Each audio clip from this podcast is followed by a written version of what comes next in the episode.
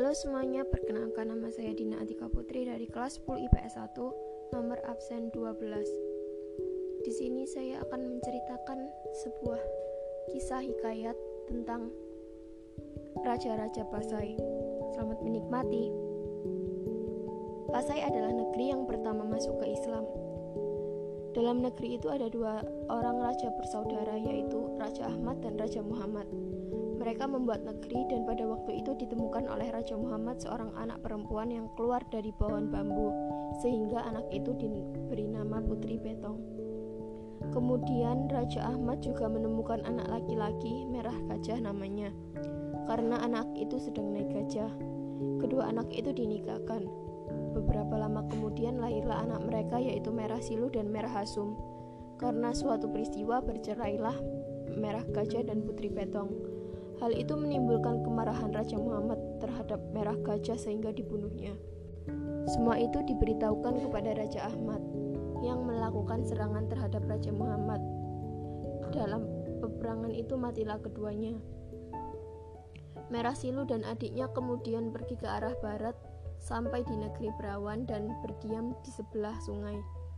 Merah Silu mencari tempat baru hingga sampai ke hulu sungai Pasangan kemudian disimpang di hulu karang lalu ke hulu Samenda. Akhirnya dia sampai di negeri Buloh Telang, tempat dia bertemu dengan Mekat Iskandar. Dia sangat disukai oleh orang-orang di sana sehingga dirajakan oleh mereka. Hal itu menimbulkan peperangan dengan Sultan Malikul Nasir adik Mekat Iskandar. Sultan Malikul Nasir berturut-turut dapat dikalahkan oleh Merah Silu hingga dia melarikan diri ke dalam rimba pertama terjun kemudian ke sebelah gunung Telawas. Di sana dia dikepung merah silu di tempat yang kemudian diberi nama Kubu, lalu menyingkir ke Pekersang hingga ke Barus. Di Mekah pernah diramalkan oleh Nabi Muhammad bahwa di kemudian hari akan ada negeri samudra, negeri di bawah angin. Dan dia telah memberi perintah kepada penganut-penganutnya untuk memperlengkapkan kapal.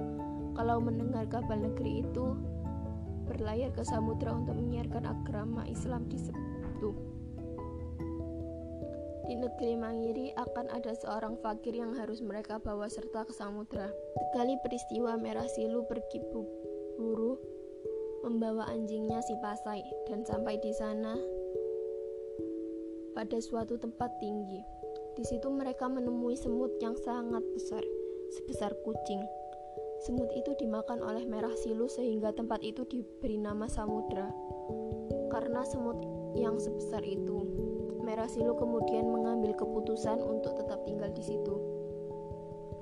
Kabar tentang samudra terdengar sampai ke Mekah dan Syarif Mekah mengutus kapal sesuai dengan perintah Nabi Muhammad di bawah pimpinan Nakoda Sheikh Ismail.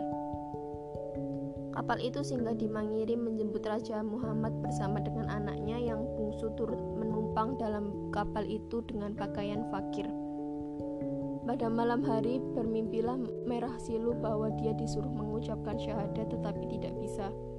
Kemudian mulutnya diludahi oleh seorang yang berhadapan dengannya dalam mimpi. Orang tersebut juga memberitahu bahwa Merah Silu akan diangkat menjadi sultan dengan nama Malikul Salih dan dia sekarang telah menjadi muslim. Dia telah pandai mengucapkan syahadat dan telah diberi pengajaran mengenai beberapa syal fikih dan kepadanya diberitahu pula bahwa dalam 40 hari akan tiba sebuah kapal. Perintah anak buah kapal itu harus diturutinya. Akhirnya orang yang berhadapan dengannya dalam mimpi menyebutkan namanya. Akulah Nabi Muhammad Rasulullah Shallallahu Alaihi Wasallam yang di Mekah itu. Merah Silu bangun dari tidurnya, terus mengaji ke-30 juz Al-Quran. Hal itu menimbulkan keheranan yang sangat-sangat kepada orang yang mendengarkannya, karena dia dapat mengucapkan kata-kata yang tidak mereka ketahui artinya. Kapal itu tiba di Telok Terali. Fakir turun ke darat bertemu dengan seorang yang sedang menjala. Dia bertanya kepada orang itu tentang nama negeri dan rajanya. Dan diberi jawaban bahwa raja dalam negeri itu bernama Merah Silu yang bergelar Sultan Malikul Salih. Karena Malikul Salih telah pandai mengucapkan syahadat dan mengaji Al-Quran, oleh Syekh Ismail diberi ajaran kedua hal itu kepada semua penduduk samudra. Semua penduduk di situ pun memeluk agama Islam. Dan negeri samudra itu kemudian diberi nama Darussalam. Fakir Muhammad menetap di samudra untuk memberi pengajaran mengenai agama Islam. Ada suatu golongan yang menolak masuk agama Islam. Mereka mengungsi ke Sungai Pasangan sehingga mereka memberi nama daerah itu Gayo. Kemudian diceritakan bahwa kapal dari negeri Keling singgah di pelabuhan Samudra. Salah seorang dari awak kapal itu mengetahui bahwa di daerah Samudra ada tujuh tempat asap emas keluar, tetapi tiada yang mengetahui tentang hal itu. Sultan memberi perintah kepadanya untuk mengadakan penyelidikan dan memperoleh hasil besar. Istri Sultan melahirkan seorang anak laki-laki yang diberi nama Sultan Malikul Zahir. Di kemudian hari, dia akan menggantikan ayahnya menjadi sultan. Sultan Malikul Salih pun pergi berburu dengan membawa anjingnya si Pasai. Anjing itu menyalaki pelanduk di tempat yang tinggi, tetapi pelanduk itu tidak mau undur, malahan mengusir anjing itu. Oleh karena itu, tempat tersebut dipandang sebagai tempat baik oleh sultan untuk membuat negeri bagi anaknya. Anjingnya pun mati dan dikuburkan di situ. Oleh karena itu, tempat tersebut diberi nama Pasai. Malikul Zakir akhirnya dinobatkan di Pasai. Dia mempunyai dua orang anak yaitu Sultan Malikul Mahmud dan Sultan Malikul Mansur. Dia meninggal pada waktu kedua anaknya masih kecil. Sultan Malikul Sarih mengurus soal pemerintahan bagi mereka. Sultan Malikul Mahmud diserahkannya kepada Said Giatuddin dan Malikul Mansur kepada Said Semayamuddin. Sesudah akhir balik, Malikul Mahmud dirasakan di Pasai dan Said Giatuddin diangkat menjadi perdana menterinya. Rakyat, harta, perkakas, alat kerajaan, gajah, kuda, dan senjata dibagi dua untuk kedua kakak beradik itu.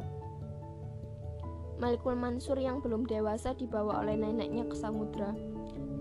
Sebelum meninggal, Sultan Malikul Salih memberi wasiat kepada cucunya, Malikul Mansur untuk menggantikannya menjadi raja.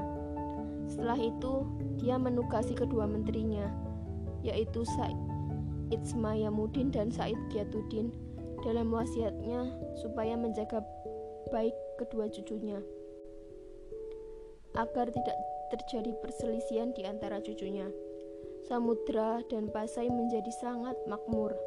Rakyatnya banyak dan kekayaannya yang sangat besar. Sultan Ahmad mempunyai 30 anak. Lima di antaranya seibu sebapa yaitu Tun Ibrahim Bapa dan Tun Abdul Jalil, Tun Abdul Fadli, dan dua anak perempuan yaitu Tun Madam Pria dan Tun Takiyah Darah. Ibrahim Bapa memiliki sifat istimewa, namanya masyur sampai ke negeri Keling. Sama halnya dengan Tun Abdul Jalil, namanya masyur sampai kedengaran kepada sama halnya dengan Tun Abdul Jalil, namanya masyur sampai terdengar kepada putri Gemerlenang. Sang anak Nata Majapahit Tun Abdul Fadlil adalah seorang ahli ilmu pengetahuan. Namanya termasyhur ke benua Sri Samarkandi. Kedua anak perempuan itu tak ada taranya pada masa itu. Putri Gemerentang, anak sang Nata Majapahit hendak bersuamikan anak raja yang terbaik dan terjaya. Setelah disuruhnya membuat gambar pangeran yang mungkin dapat menjadi teman sehidup sematri putri, 99 buah lukisan telah terselesaikan. Waktu melihat gambaran putri kemerentang, perbuatan yang sadis itu dilakukan juga. Mayat anaknya disuruh membuang ke laut. Mayat itu hanyut ke jambu air. Pada tempat itu berlabuhlah angkatan Majapahit dan pada waktu itu mereka menanyakan keadaan di Pasai. Seorang menjawab, "Badak makan anaknya." Kemudian dijelaskannya tragedi yang baru saja terjadi di Pasai bahwa Sultan sendiri hendak beristrikan putri Jawa.